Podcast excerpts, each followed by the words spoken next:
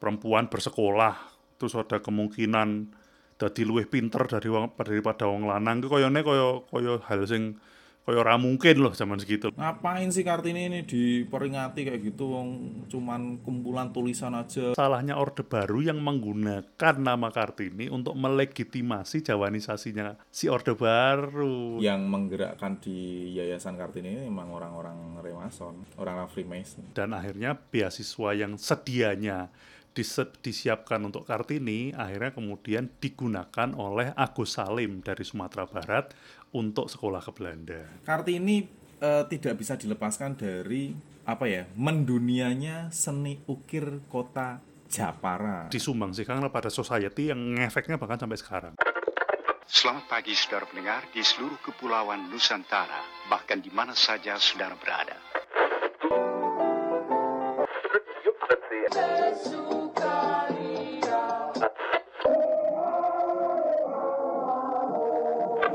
Malam main ceki mabuk brandy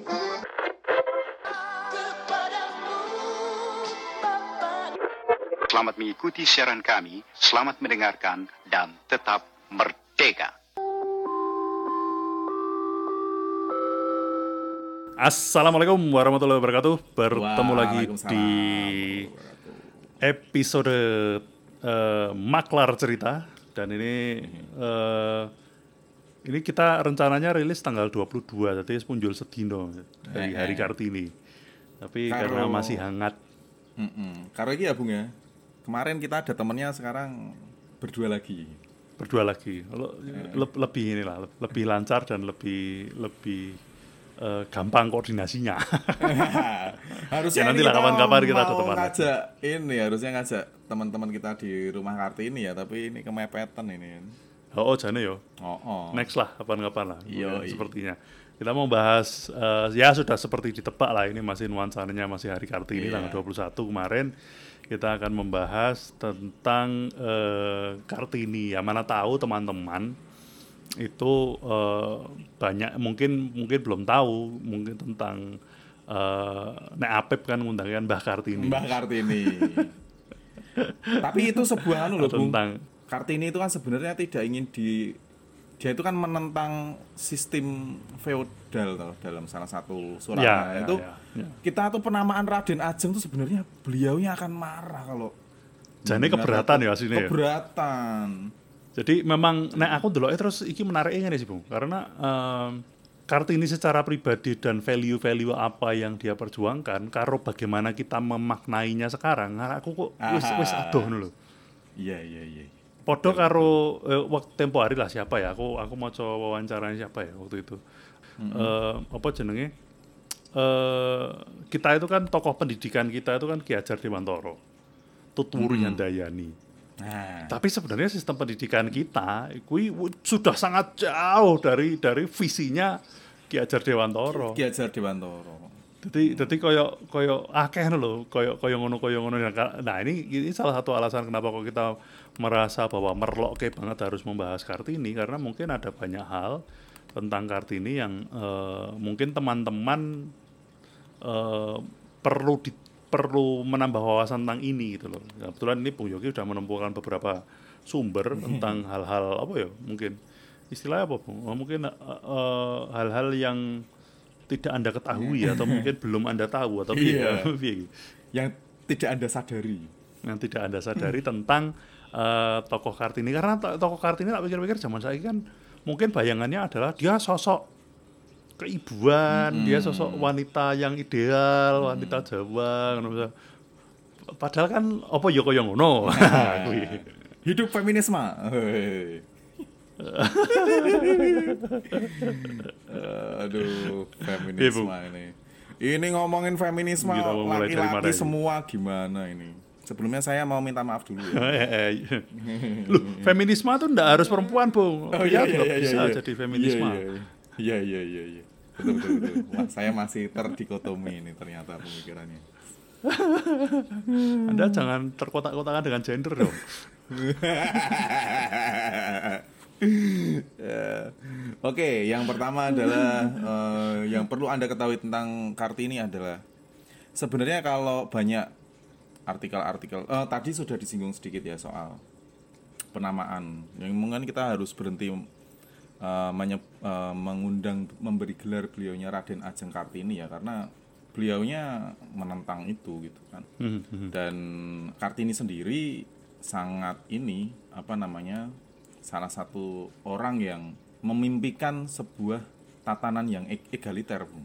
karena Hmm, beliaunya oke. kan bangsawan kan Ya, ya. karena beliaunya kan bangsawan dan salah satu di salah satu syarat untuk eh, pada saat beliau menikah dengan si bupati Rembang itu itu kan Kartini mensyaratkan bahwa eh, dia tidak ingin berbicara di lingkungan eh, keraton eh keraton enggak ding ya di, di lingkungannya gitu dengan bahasa Jawa Hmm, tapi lebih ke bahasa Belanda kayak gitu. hmm. Tapi ini bukannya wah ini nanti dipelintir. Wah berarti Kartini memang betul itu ke Belanda Belandaan. Tidak nasionalis. Ya emang urung ono Tidak nasional. nasionalis. Tapi kan di sini yang kita lihat adalah pada saat itu eh, bahasa Belanda itu kan yang tidak ada stratanya dan Hmm. suka atau tidak suka yang menjadi bahasa eh, apa ya mempersatukan di koloni di Hindia Belanda kan pada saat itu kan dan Ya. Kartini memandang bahwa saat beliaunya berbahasa Jawa itu sama bawahannya pasti akan tidak bisa egaliter karena misalnya Kartini ngomong ngoko kok ngono. Mhm. Pasti kan yang rakyat jelatannya pasti nggak sopan kan Yo, yo. Saru. balas dengan bahasa saru pasti kan pakai bahasa kromo itu yang tidak disukai oleh beliaunya kayak gitu makanya dan itu salah satu eh, aku pernah dapat ceritaan dari eh, Pak Cahyono waktu itu ternyata hal itu juga dilakukan oleh Mangkunegoro 7 di mana Hmm. beliaunya di lingkungan keraton tuh membiasakan pakai bahasa Belanda kayak gitu Hmm, hmm, hmm, hmm. Lebih Ngomong karena dia di alasan dalam egaliter itu tadi ya. Iya, dan itu kan juga bisa dibilang itu me, me- me- apa ya, me- mempersuasi orang-orang dari kaum Kromo untuk berbicara bahasa Belanda yang mana saat mereka bisa bahasa Belanda, mereka akan bisa mengakses eh, hal-hal lain kayak gitu kan, bisa lebih maju kayak gitu kan. Hmm. Literatur juga pasti lebih terbuka. Betul.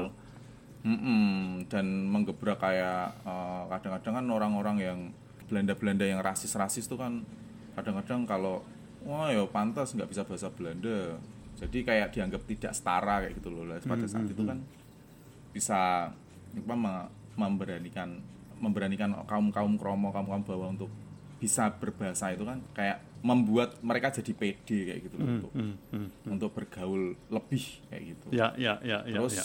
eh, hal hal lain dari Kartini yang menarik adalah narasi sejarah bahwa kita kan sejarah ini kan eh, historiografi Indonesia ini kan pasca kemerdekaan ini kan dibalik tok toh Bung. Hmm. Yang melawan Belanda jadi hero, yang membantu Belanda jadi eh, musuh kayak gitu. Pengkhianat. Mm-mm, kayak ya itu tadi yang kata Bung Bung Gatot. Nation kan waktu itu kan belum tercipta, jadi kan tidak bisa pakai kacamata Ya, seperti ya. itu kan. Nah, Kartini menurutku, Raiso nganggo standar berpikir seperti itu nggak bisa. Heeh, Kartini menurutku menarik Bung karena di masa kolonial eh, dia tidak melawan pemerintah loh. Dia tidak ada melawan ya. sebuah status quo kayak gitu kan. Malah status quo-nya di antara eh, eh, priai-priai Jawa Ya. yang membatasi ruang gerak wanita ini. Tapi pada masa kemerdekaan yang akhirnya tahun 1964 eh, diangkat menjadi pahlawan nasional oleh Soekarno, Kartini menjadi pahlawan nasional. Ini kan menurutku menjadi menarik kayak gitu loh. Hmm. Padahal sebenarnya eh, yang diperjuangkan ki sifatnya sifatnya orang politis kali ya mungkin ya atau Iya. tidak politik secara untuk memperjuangkan kemerdekaan lah ibaratnya Iya. kan lebih ke apa perbaikan, ya? reform, reform. Ya, ya, ya, ya. Ta- Gender tapi mungkin reform it- lah ya mungkin bahasa Heeh, ta- tapi aku punya eh, apa ya? eh, sepertinya sih itu didasari oleh bagaimanapun juga para tokoh-tokoh nasional di awal, apalagi tokoh-tokoh nasional wanita, suka atau tidak suka bisa mengakses itu karena legasinya Kartini. Hmm, ya, dengan sekolah-sekolah yang kemudian sepeninggal beliaunya dibentuk sekolah-sekolah Kartini walaupun itu sekolahnya yang bentuk juga yayasan yang dibentuk oleh orang-orang Belanda gitu yang simpatik ya. dengan eh, pemikiran-pemikiran Kartini kayak gitu kan. Tapi paling tidak gara-gara itu kemudian eh, apa ya para perempuan-perempuan di Indonesia itu eh, sekolah ki bukan sesuatu yang wagu. Karena sebelum itu sangat mungkin di luar nalar lah katakanlah mungkin ya. Perempuan bersekolah terus ada kemungkinan dadi luwih pinter dari wong daripada wong lanang. Ku koyone koyo koyo hal sing koyo ora mungkin loh zaman segitu lah mungkin atau aneh aja orang mungkin melihatnya itu Dan nah ini ngomong-ngomong soal sekolah Kartini ini juga menarik Bung. Jadi ini mungkin tidak banyak ya dibahas. Kita tuh selalu eh, oh toko Kartini pemikiran surat apa kumpulan dari surat-suratnya yang di- kemudian diterbitkan menjadi sebuah buku yang eh, akhirnya menginspirasi para wanita-wanita dengan kiprahnya masing-masing gitu ya. Tapi sebenarnya lebih dari itu loh. Karena kan kadang-kadang kan banyak juga Bung yang akhir-akhir ini mengkritisi kayak ngapain sih Kartini ini diperingati kayak gitu wong?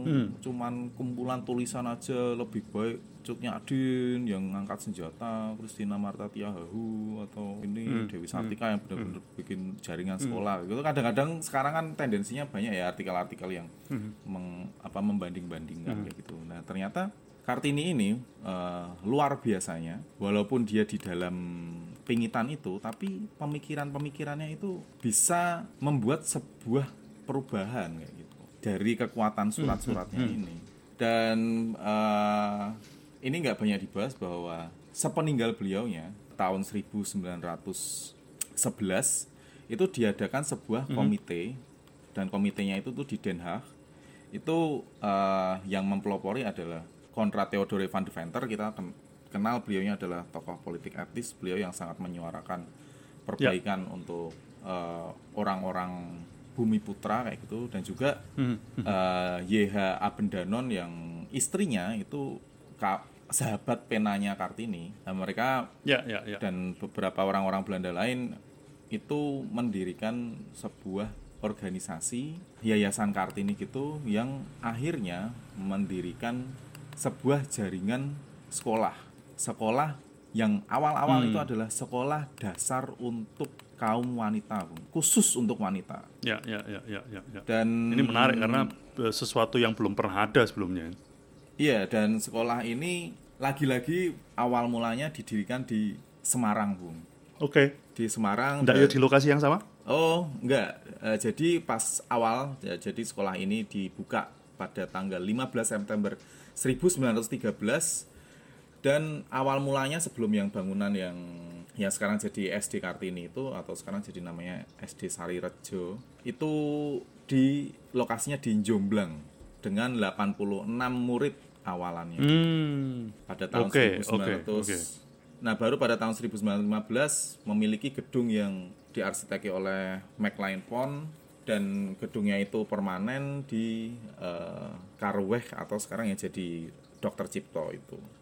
Nah, ini sekali lagi juga Hmm. apa apa karena nama lamanya Karweh. Kar itu Karweh eh, Kar itu artinya pedati, jadi jalan pedati. Mungkin dulu kan Hmm, jalan Mataram kan oke, oke. yang Itu- utama, Cipto kan yang jalan Ya, belakang. ya. ya ya ya oke oke oke Dan ini yang disayangkan Bung karena eh, lagi-lagi apa ya? Sekolahan ini kan akhirnya sekarang kan ngadep ning Jalan Kartini toh Bung, ngadep kidul. Ya, Padahal ya, ya. iki ngadep wetan, ngadep ke Jalan Dr. Cipto. Nah, hmm. karena kenapa em, mungkin dulu ada keputusan dari pemerintah Pamong Praja yang kurang bijak mungkin ya Bung ya. Akhirnya lahan itu dipotong, dibangun dinas pasar. hmm. Dan itu memakan sebagian bangunan dari bangunan asli dari sekolah Kartini. Itu yang Hmm, eman-eman banget oke. sih. Terus sekarang juga karena kapan Bung? tahun waduh kapannya aku nggak nggak tahu tapi kayaknya itu bangunan baru sih Bu mestinya tahun 2000-an lah. hmm. Dan yang oh yo anu ya masih lumayan recent ya Heeh. Maksudnya, eh, belum belum lama, belum ya. lama-lama banget dan yang eh, yang sekarang tapi sekarang akhirnya ada penyesuaian sih itu kan waktu SD SD ini dirubah eh, nomenklaturnya tuh sesuai dengan nama kelurahannya kayak gitu nah sekolah Hmm, Kartini itu jadi SD Sarirejo, jadi menghilangkan nama Kartininya itu, tapi akhirnya banyak yang protes, dirubah jadi eh, sekarang Sarirejo Kartini gitu SD-nya. Ya, ya, ya, ya, ya. Menarik ini. Eh, karena eh, mungkin banyak teman-teman yang belum tahu bahwa SD Kartini itu memang berkaitan langsung dengan ini dan alurnya tadi seperti itu ya, seperti yang tadi sudah diceritakan sama Bung Yogi. Oh ya, ini mungkin masih berkaitan dengan ini. eh, tadi Bung Yogi sempat menyebutkan eh, Van de Venter itu sebagai salah satu tokoh politik etis. Ya ini fun fact aja ya teman-teman. Fun fact-nya, fun fact-nya De Van de Venter itu eh, Freemason. Iya. Tau. Penggiat, penggiat Remason ya. Wah, tapi ini udah emang udah ada artikel. Fremit Bung. Selerai. Eh, eh. Aha, piye? Ad- udah ada artikel Bung yang mengaitkan Kartini dengan Remason itu. Rewason. Ya silakan aja kalau mau dikait-kaitkan ya. Memang karena hubungannya dengan Van de Venter dan Van de Venternya kan memang aktivis. Iya, Vrij dan met Selerai. dan eh, dulu saya kebetulan pernah ini apa eh, ketemu sama eh, salah satu orang Indo kayak gitu peranakan Belanda kayak gitu lah yang yang Ya, ya, eh, ya. orang tuanya itu penggiatnya di eh, Kartini Stichting itu dan dia bilang memang dulu Hmm. rata-rata yang menggerakkan di Yayasan Kartini ini memang orang-orang Remason, orang-orang Freemason. Oh. Tarekat Mason bebas. Tapi kita Loh, karena memang Freemason itu dulu kan banyak berkegiatannya kan memang sosial toh. Betul. Dan dan memang eh, apa ya banyak kaum kaum reformis itu kan dari golongan ini memang. Ya, ya, ya, ya. Itu Itu kan sebenarnya kan kayak ya nanti mungkin satu saat lah ya, mungkin kita nanti cari ini ya, cari eh, narasumber lah ya. Mungkin kalau kita mau bahas lebih detail tentang Freemasonry, ya, mungkin menarik ini nanti. kita- Tapi ya kayaknya harus cari inilah, cari eh, narasumber lah. Eh, mungkin, mungkin supaya- yang sudah pernah jumatan di gedung Remason mungkin. Oh, aku meng, saya cuman pernah aja. Jadi ini sekedar cerita aja teman-teman. Eh, jadi eh, waktu saya pertama kali ke Amerika tahun 2017 berarti waktu itu. Terus hari Jumat terus mau Jumatan, terus kan browsing apa namanya eh, cari masjid. Kebetulan ada yang di dekat rumah eh, apa di dekat rumah keluarga istri saya waktu itu.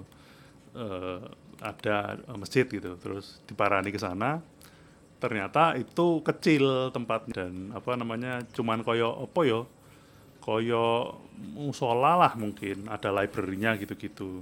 Nah, ternyata kalau jumatan tuh nggak cukup gitu. Jadi mereka kalau jumatan nggak di situ kemudian ada, ada keterangannya kalau jumatan itu di gedung ini gitu. arahnya ke sana.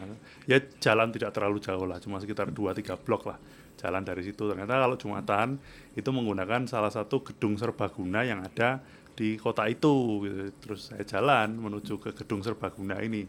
Ternyata gedung serbagunanya adalah gedung milik eh, Freemasonry. Jadi itu memang ada satu gedung serbaguna yang bebas dimiliki oleh siapa saja. Dan ternyata memang di sana kayak gitu jadi kayak bebas saja itu gedung itu untuk dipakai untuk pertunjukan apa seni anak-anak untuk kegiatan ini itu dan yang kalau Jumat ternyata dipakai untuk Jumatan saya udah pernah Jumatan di situ Gedungnya Tarekat Mason bebas. Padahal Freemason Ya, itu cerita. mau menghancurkan agama. Loh, itu kan itu itu maksudnya kan wacana yang kita tahu di Indonesia kan seperti itu kan. Tapi ternyata ada fakta menarik lagi gitu. Dan ya umat muslim di sana terbantu dengan adanya eh, gedung itu. Jadi iso tinggal Jumatan, iso tinggal macam-macam gitu.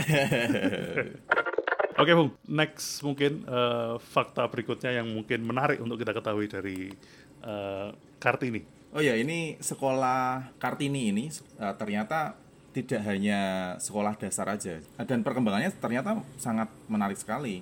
Ini ada sebuah buku yang memperingati 25 tahun berdirinya Yayasan Kartini yang diterbitkan tahun 1938 dan di tahun 1938 ternyata jaringan sekolah ini sudah berada di tujuh kota yaitu di Oke. eh, Jakarta atau dulu namanya Batavia, tahun terus di Bogor, Malang, Madiun, Pekalongan, Cirebon dan tentu saja Semarang. Semarang kan yang mengawali. Hmm, Oke, oke. Lalu eh, Ya, ya, sekolah ini sendiri jadi sekolah yang dikhususkan untuk para eh, kaum kaum wanita bumi putra ini kemudian juga berkembang tidak hanya sekolah dasar aja bung. Jadi berkembang untuk nah ini ada yang menarik ini sekolah-sekolah untuk eh, para wanita-wanita yang sudah berumah tangga kayak gitu. Hmm, oke. Nah ini Oke. eh, namanya juga pakai nama-nama Melayu nih, kayak kayak ini Hmm. di Bogor sekolah Pamulangan Pamulangan Istri School di Oh, pemulangan istri di school. Oke.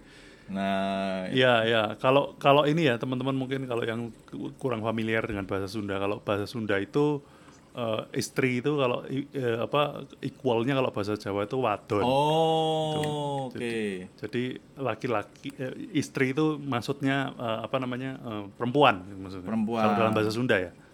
nah Mhm. lalu ini juga ada Tapi cuman aku nggak tahu ya di di dalam konteks bahasa itu apakah bahasa bahasa Melayu pasar yang artinya itu eh, apa perempuan bersuami atau istri dalam istilah bahasa Sunda yang artinya perempuan saja gitu.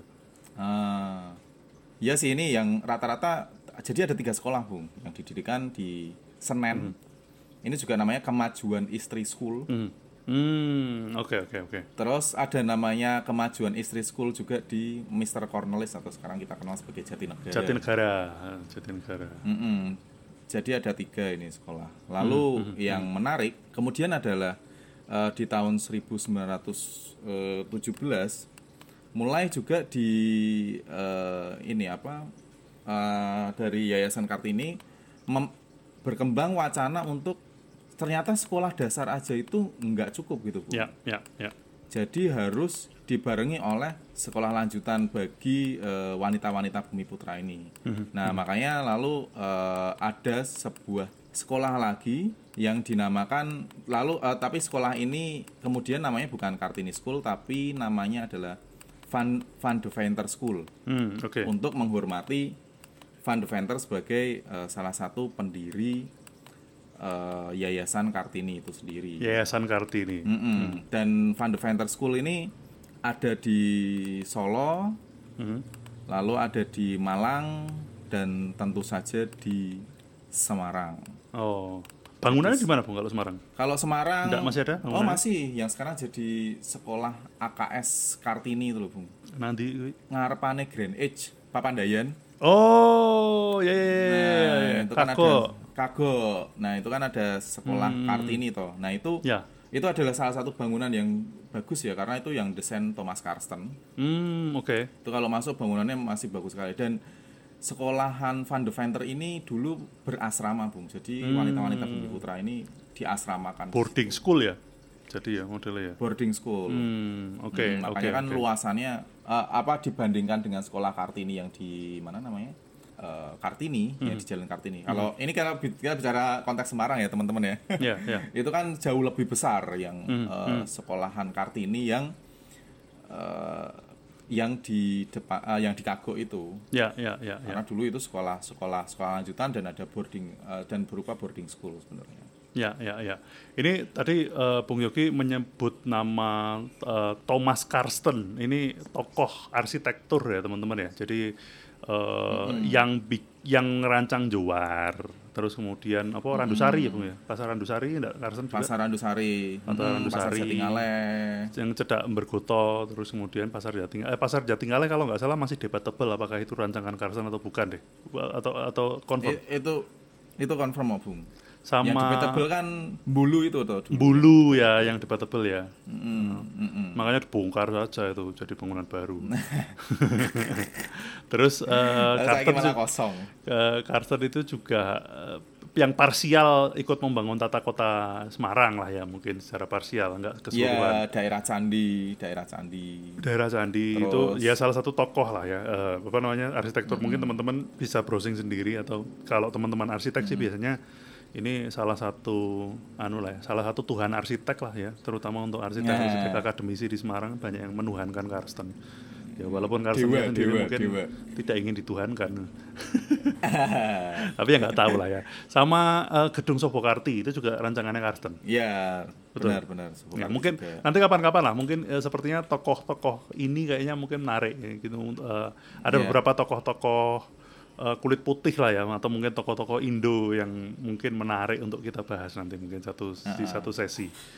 Gitu. Ya, itu- ya, tadi itu tentang eh, Thomas Carson sih. Katanya zaman semono memang punya ini ya kayak punya patron-patron arsitek ya di beberapa kota. Kalau Bandung kan Schumacher, bukan Schumacher. Ya betul.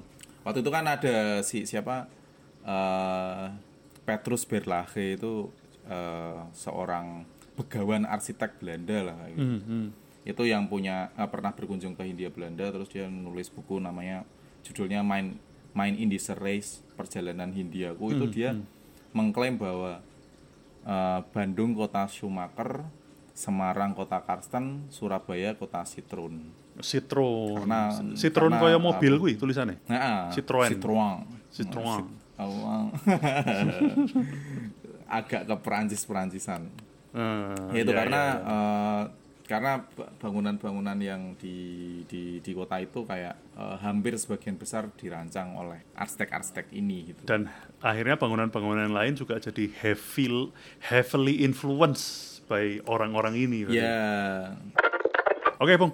Eh, oke. lanjut mungkin ada ceritaan apa lagi tentang Kartini yang mungkin Oke. kita tidak pernah dengar atau mungkin jarang kita tahu. Mm-mm. Balik lagi ya, soalnya saya agak gatel loh Bung sama narasi-narasi kayak gini oh. Cuman surat-surat tok ngapain harus dipalawankan. Itu kan salah satu upaya jawanisasi. Harus Nah. kebaya tanggal 21 kayak gitu. Ah, itu sebenarnya bukan salahnya Kartini. Itu tuh itu tuh salahnya Orde Baru yang menggunakan nama Kartini untuk melegitimasi jawanisasinya si Orde Baru. Jadi jangan salahkan Kartininya, teman-teman. Iya betul. Nah ini kayak eh, balik lagi ke eh, Kartini walaupun di, di saat dia menjalani pingitan kayak gitu kan. Eh, istilahnya nek wong Semarang dibombongi ngono Hmm, di- karo Masne kan Sosro Kartono itu kan dengan koleksi-koleksi bukunya dengan pemikiran-pemikirannya akhirnya memberanikan seorang Kartini kecil untuk berkorespondensi dengan orang-orang Ya.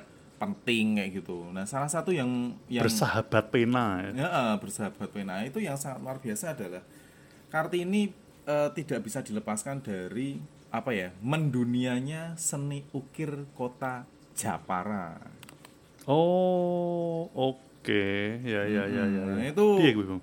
ya ini Japara bukan Jepara ya karena Persijap bukan Persijep. Eh, Persi bener ya Persijap ya itu Persijap ya bener juga. Eh, eh. Ah, tapi apa itu? Apa itu Persijap tuh? Jepara kota. Ukir. Maaf ya ini kami PSIS soalnya. Eh, kembali lagi kita ini Semarang jadi eh, maaf teman-teman kalau maklar cerita ini memang Semarang sentris ya. Maaf ya sedulur-sedulur Jepara ya. Jadi eh, ini apa namanya eh, Kartini ini pernah pada saat itu mengupayakan kayak eh, eh, karya-karya seni ukir Jepara itu untuk mengikuti sebuah eh, pameran di Belanda di Den Haag pada tahun 1898 yang bertajuk National Tentoonstelling for Vrouwenarbeid atau pameran nasional eh, pekerja wanita kayak gitu. Oh oke oke oke. Hmm, dan eh, pada saat itu seni-seni ukir eh, apa ya pasti melalui ayahnya ya akhirnya di- dikumpulkanlah eh, seniman-seniman ukir Jepara dan memang kan eh, pengukir-pengukir Jepara ini kan memang ini ya apa home industry kan pada saat itu kan Ya ya ya ya. dan kepiawaian eh, seni ukir eh, apa mengukir orang Jepara ini kan memang memang memang sangat sudah sudah sudah dikenal tapi Masyhur. belum ah, tapi kayak belum mendunia kayak gitu dan melalui ini Kartini merasa bahwa harus naik harus naik level kayak gitu kan Ya ya. dan ternyata eh, berhasil dan apa namanya mendapatkan perhatian Ratu Emma.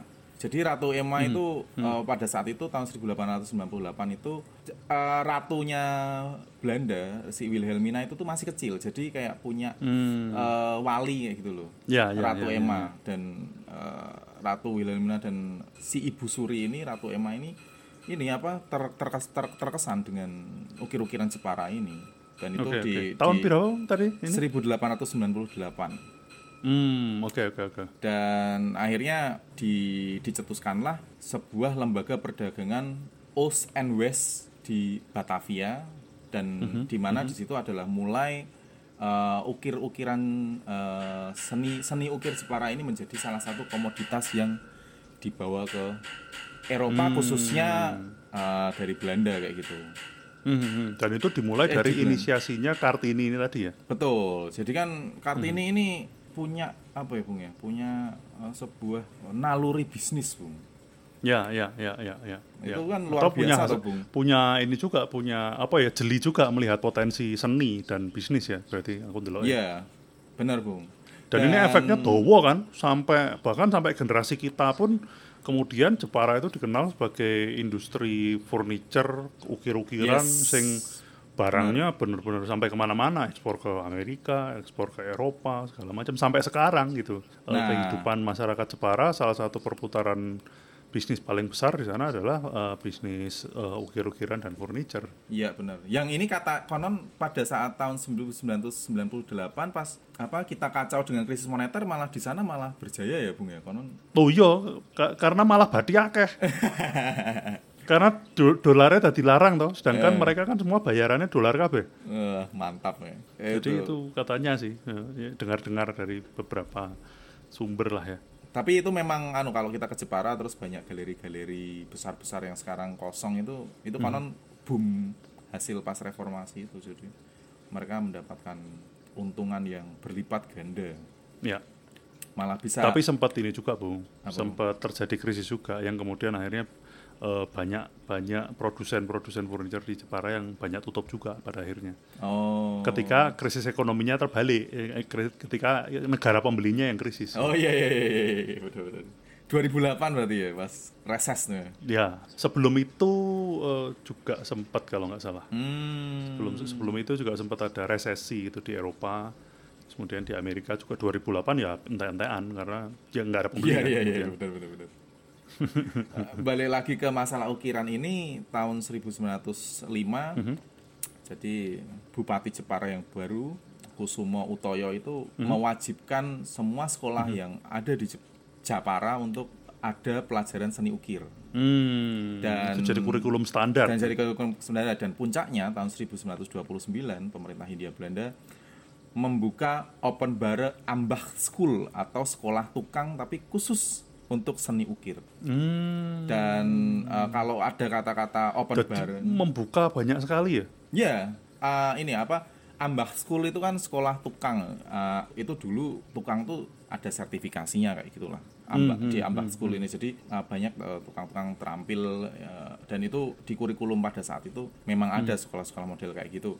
Yang sebenarnya itu bagus loh Bung, maksudnya kalau sekarang kan akhirnya kita kadang-kadang kan kesulitan loh Bung cari tukang karena yang ada kan insinyurnya padahal kan kita butuh Ya, ya. kayaknya kita butuh 10 tukang satu insinyur bukan 10 insinyur satu tukang Ya, ya, ya, betul, betul, betul. Tapi sebenarnya ada, Bung, kalau kalau untuk sekolah perkayuan itu di Semarang ada yang Ya. levelnya itu adalah untuk apa namanya untuk eh, peng, apa ya yang mengerjakan kayu dan itu sek- sekolahnya dibilang termasuk sekolah bagus gitu Pika itu ya, namanya Pika. Pika, Mm-mm.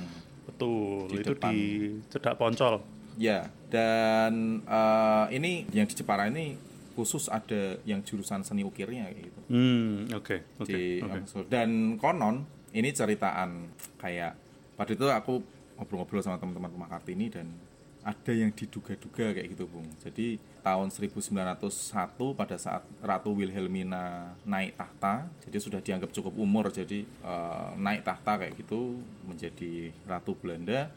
Tahun 1901 Satu, satu ya kalau nggak salah Mm. Dan itu para sultan-sultan dan raja-raja Nusantara itu memberikan hadiah kayak gitu. Hmm, Dan memberikan hadiahnya banyak malah macam-macam kayak gitu. Dan ada tercetus dari apa salah satu pegawai kerajaan kayak gitu tuh hadiah ini kemudian eh, dikumpulkan di sebuah ruangan di North Inde Palace eh, itu eh, istana kerajaan di, di itu kok- apa, eh, North Inde Palace ki kayak nek Inggris ki Buckingham ngono lah ya ya ya ke istana Buckingham. Nah, itu ruang Hindia atau namanya Indisezal. Dan di Indisezal ini bisa di googling itu sebuah ruangan yang full ukir-ukiran Jepara, Bung. hmm Jadi eh, Ya, ya, ya, ya, fragmen-fragmen ini dibuat oleh 58 pengrajin, Pengrajin. ukir dari Japara. Dan itu terus dikirim ke Belanda dan sekarang jadi Indisezal yang eh, kata teman saya di Londo sana iku kuwi nek pendak summer eh, pendak musim panas kuwi ono kaya apa jenengane open house ngono ki. Dadi wong-wong Londo ki iso iso eh, semua orang bisa punya akses masuk ke situ gitu. Ndelok-ndelok Ya, isi ya, ya. isi Untuk istana mengagumi untuk adiluhung seni dari Jawa. dan di situ nanti bisa lihat koleksi-koleksi yang dipersembahkan oleh eh, para Hmm, eh, apa ya kerajaan-kerajaan vasal ya, ya, ya, ya, di ya, ya, bawah ya. Batavia. Eh, itu Eh, Oke, wah menarik sekali nih cerita tentang apa namanya eh, ukir-ukiran. Ternyata visine Kartini tekan semono lagi, aku yakin nggak nggak terlalu banyak yang punya eh, wawasan ke sini sih bahwa Kartini ternyata mikir ke tekan samono dan efeknya betul-betul apa ya? sampai sekarang Butterfly efeknya ini gede banget sampai zaman Iya, sekarang iya. gitu. Mhm. Dan ini jarang dibicarakan tentang Kartini itu. Oke, Bung. Ada ceritaan apa lagi nih yang perlu kita ketahui tentang Kartini yang jarang kita dengar? tadi sekolah udah terus eh, masalah ukir Ukir-ukiran. udah masalah bahasa udah Nah, tadi terus Hmm. oh ini eh, kembali lagi ini bahas Semarang ya Ya, ya. bahas Semarang jadi em, itu di buku Habis Gelap Terbitlah Terang kalau Dor Duisternis Totlich itu kan diterbitkannya tahun 1911 kemudian tahun 1922 diterjemahkan eh keluar versi bahasa Melayunya yang diterbitkan oleh Balai Pustaka Habis Gelap Hmm, Terbitlah ya. Terang itu di halaman 384 ini ada ceritaan soal Kartini yang dilepas oleh ayahnya di publik sendirian tanpa ada pengawalan kayak gitu. Hmm, oke. Dan biasanya kan misalnya bangsawan ngono kan pasti ono pengawalan lah. eh, dan sini seorang wanita kembali lagi dan itu di, di, di, di, diperbolehkan kayak gitu loh. Terus kamu ka- tak kasih kesempatan untuk pergi ke sebuah apa ya ruang publik kayak gitulah tanpa pengawalan, tanpa ayahnya, tanpa saudara saudari saudarinya kayak gitu tuh. Dan itu kejadiannya ternyata di Semarang. Jadi ada sebuah bangunan namanya Stadschouwburg atau eh, gedung pertunjukan kota Hmm, hmm. yang ada di kota lama yang sekarang itu sebagian lahannya menjadi eh, gedung Marabunta. Marabunta. Hmm, Hmm, oke. Jadi di situ diceritakan bahwa Kartini me- merasakan hal yang aneh kayak gitu karena untuk pertama Hmm, kalinya dia norak dikancani sopo-sopo, dia berada di lautan manusia kayak itu dia merasakan Hmm. hal yang hal yang apa ya? Hal yang Ya, ya, ya. yang aneh kayak gitu loh. Nah, ya, ya, ya. Eh, ini menurutku harusnya yang menjadi narasi utama ya di Hmm. bangunan ini ya karena sekarang kan sing beredar kan matahari tahu joget neng kono matahari yang sebelah Nah, ini menarik juga nih kita kita membicarakan tentang Showburg ini. Karena per- perlu diingat ya teman-teman, jadi gedung Showburg itu bukan Marabunta. Jadi Bukan. gedung Marabunta itu adalah bangunan baru yang dibangun di samping lahannya Showburg dan menggunakan beberapa properti dari gedung lama itu. betul gitu ya, Bang ya? betul bung malah Hmm, malah gedung Skoburg ini kan ada eh, pintu masuk utara dan selatan nah pintu masuk selatannya itu dibongkar buat membangun marabunta itu bung Hmm. Oh, oke. Jadi mengambil lahan lahan ini, lahan uh, ini. Ya, ya, ya, ya, ya. ya. Dan menurutku teman-teman Semarang harusnya um, lebih mengetahui, lebih bisa uh, apa ya me- membawa narasi ini sih ketimbang narasi matahari yang tidak jelas jeluntrungannya itu. Ya, ya, ya, ya, ya, ya. Untuk matahari nanti kapan-kapan mungkin bisa kita bahas juga secara terpisah. Karena matahari ini eh, terlepas dari kontroversi tentang gedung Marabunta dan matahari yang banyak beredar, sosoknya sendiri ini eh, menarik dan perannya waktu di Perang Dunia gitu loh. Jadi mungkin kapan-kapan kita apa namanya kita bahas lah terpisah Sekali lagi itu ya. Eh, tapi eh, tadi itu ya, kalau untuk gedung Showburg ini sendiri sebenarnya sisa-sisa bangunannya masih ada ya, Bung ya, di samping Oh, iya. eh, apa? Di samping gedung Marabunta yang ditutup pagar seng itu ya. Ya, d- uh, oh tapi ini Bung, wah Bung Gatot uh, ini ya um, posisi soalnya di Amerika ya.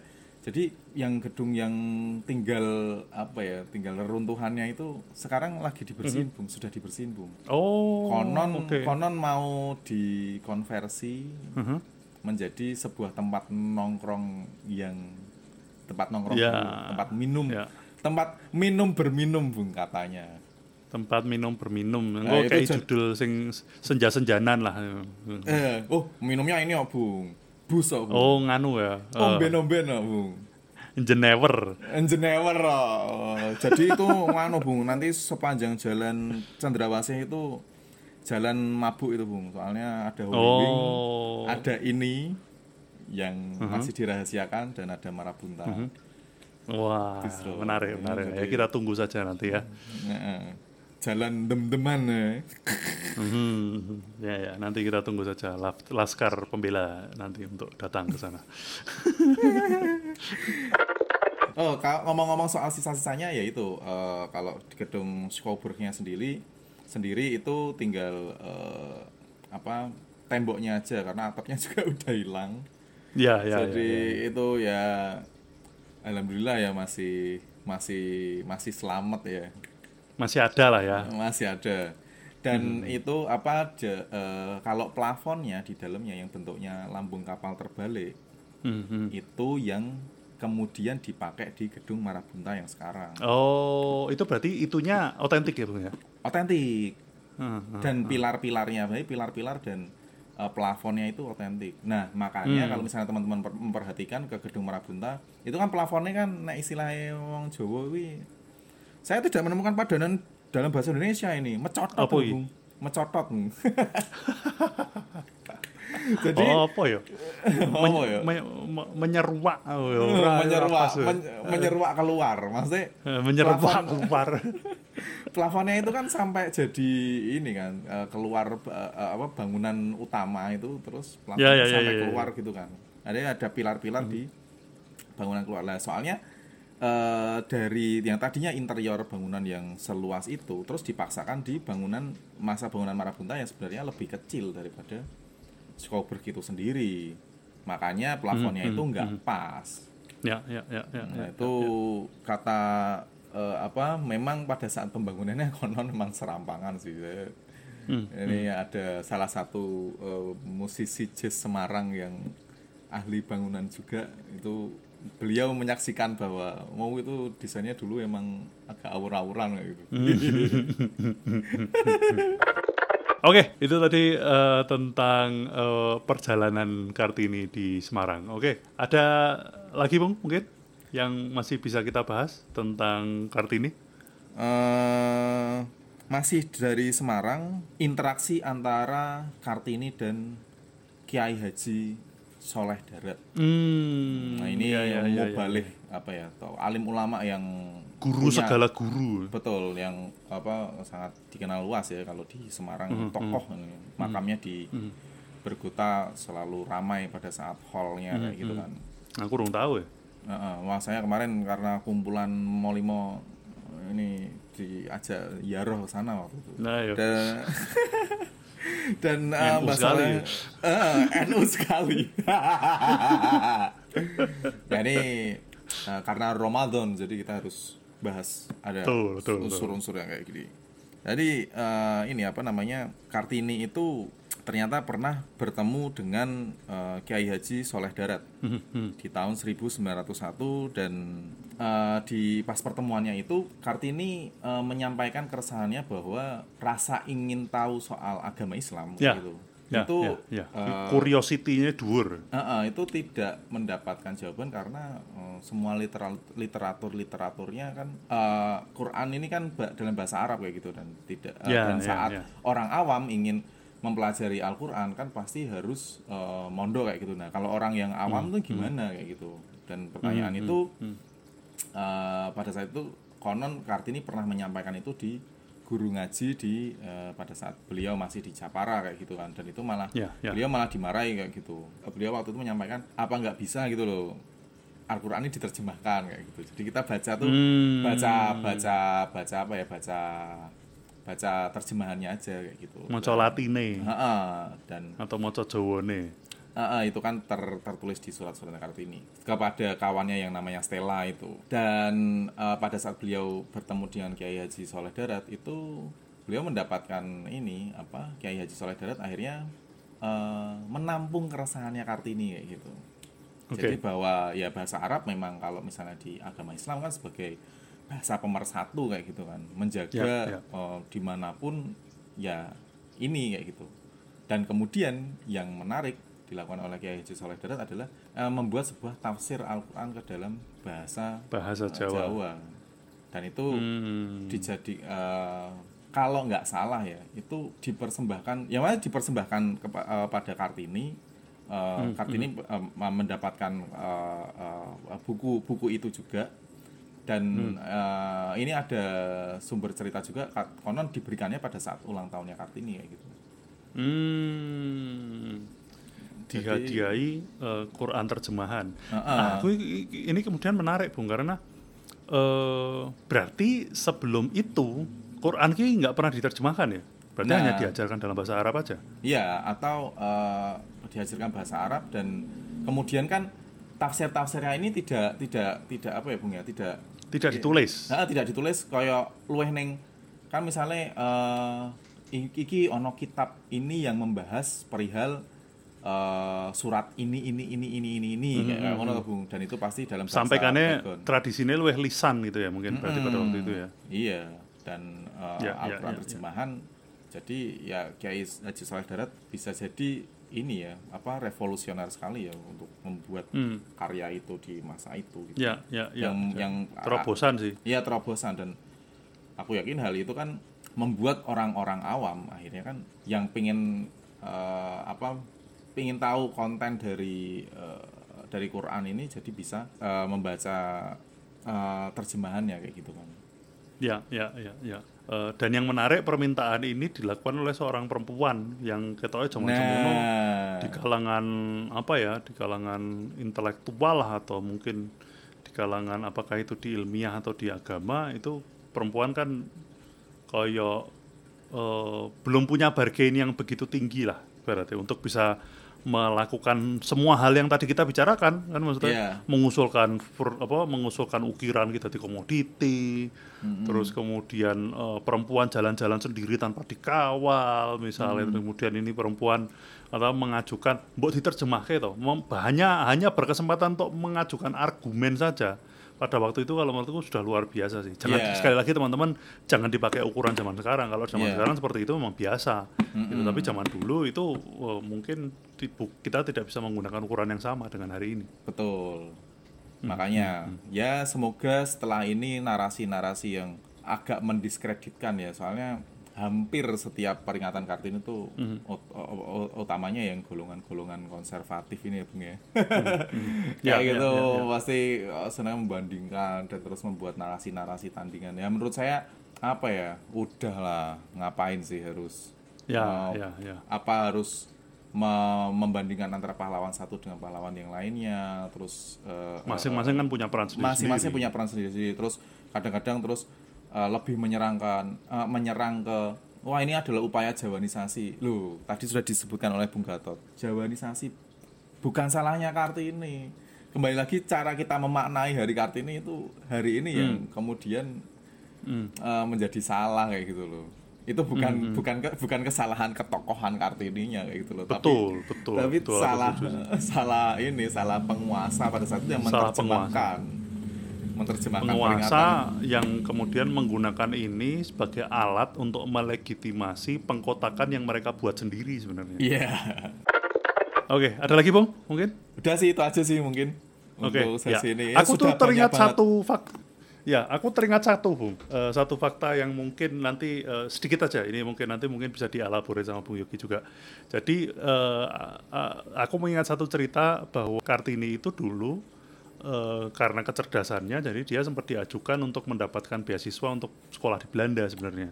oh iya iya iya Walaupun benar, pada benar, benar. akhirnya terus kemudian karena kondisi sesuatu dan lain hal akhirnya beasiswa itu terpaksa tidak bisa diambil oleh Kartini dan apa akhirnya eh, akhirnya Kartini tidak berangkat eh, dan akhirnya beasiswa yang sedianya disiapkan untuk Kartini akhirnya kemudian digunakan oleh Agus Salim dari Sumatera Barat untuk sekolah ke Belanda. Mm-mm. dan Agus Salim ternyata nggak menggunakan itu bung Oh gitu.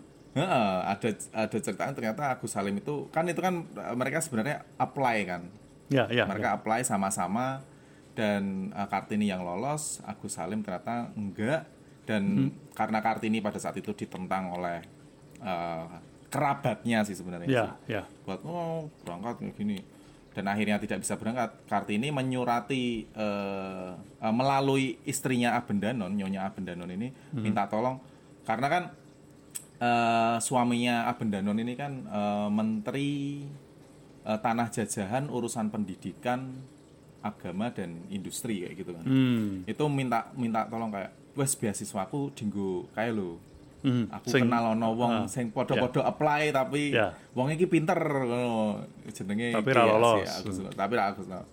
nah itu Agus Salim pada saat itu menolak Bung Oh, oke. menolak karena dianggap nek aku rak qualified a- dia tidak mau menerima Ya, ya. Nah, memang ora pantas aja kayak aku. Ah, itu eh, aku nggak tahu ya. Nge- Aku ngebacanya kok antara dia gengsi atau Mhm. dia punya solidaritas kayak naik kerak mangkat aku ya rak mangkat kok. Hmm. Ya, ya, ini ya, kan ya, ini ya. kan ini kan hakmu gitu loh. Ini kan hakmu kok malah kok kayak kayak aku kok. Hmm. Dan dia kan tahu mungkin Agus Salim juga tahu bahwa dia tidak berangkat bukan karena itu sebenarnya dia pengen tapi karena terhalang A Ya, B C ya, D ya. dia. Ya, Dan yang dilakukan oleh Agus Salim kan pada saat itu dia lebih memilih untuk bekerja kan. ya, ya, ya. Dia lulus HBS bekerja sebagai eh, apa perwak apa bekerja di konsul Hindia eh, konsul Belanda di Jeddah Oh, oke, oke, untuk oke. ngurusi wong kaji-kaji. Ya, ya, ya, ya. Ya, tapi zaman segitu udah ada kedutaan ya di di Jeddah untuk ngurusi orang berangkat haji. Hmm. Hmm, itu konsulnya ba- masih ini terhadap eh, Turki Utsmani itu. Iya, ya, ma- ma- manutnya masih masih. Turki Utsmani belum ada negara kerajaan Saudi Arab Arabia, belum ada. ya. Bani Al Saud belum berkuasa waktu itu. masih Nah, ini- berpindah-pindah. Ngomong-ngomong tentang korespondensi, aku juga jadi teringat juga satu hal lagi bahwa di dalam kisah eh, apa namanya eh, tetralogi buru punyanya Pramudia waktu itu kalau nggak salah di buku kedua atau di buku ketiga kalau nggak salah itu terkisah bahwa eh, tokoh utama itu di situ eh, si Mingke atau eh, itu adalah nickname dari apa eh, Raden Mas Tirto Adi Suryo itu di situ juga diceritakan bahwa dia berkorespondensi dengan Kartini untuk bertukar pikiran. Jadi para intelektual-intelektual muda di apa namanya di Indonesia pada waktu itu terbukti saling terhubung satu sama lain dan saling berkorespondensi. Ya termasuk karo aku saling barang kuwi kan. Berarti kan saling berkorespondensi satu sama lain gitu. Iya iya iya betul. Soalnya zaman semono urung ono grup WhatsApp ya Bung ya, grup Telegram mungkin nek ono ya. Belum ada. Heeh, nek Nah, nek masih modelnya pakai surat menyurat. eh, eh. Mungkin nek zaman biyen wis ono grup Telegram atau WhatsApp, wah semakin progresif gitu. Semakin progresif, semakin cepat. gitu. Semakin cepat. Oke, kalau begitu cukup ya. Cukup cukup cukup.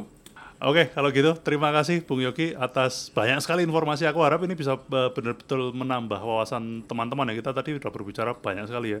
Dari seni ukir Jepara sampai Freemason dibahas semua segala macam tentang Kartini. Harapan kita sih eh, semoga wawasan teman-teman tentang Kartini itu eh, semakin luas dan tidak hanya menganggap Kartini itu sebagai yang gitu-gitu aja karena there is so much more dari seorang eh, Kartini yang disumbangsikan pada society yang ngefeknya bahkan sampai sekarang. Nah, betul betul Oke, betul. kalau gitu eh, sekali lagi selamat Hari Kartini walaupun sudah lewat. Eh, sampai ketemu di episode Makelar Cerita berikutnya bersama saya dan Bung Yogi. Wassalamualaikum warahmatullahi wabarakatuh. Hingga di sinilah tugas kami menyelenggarakan acara-acara hari ini. Semoga berkenan di hati Anda. Selamat malam saudara dan merdeka.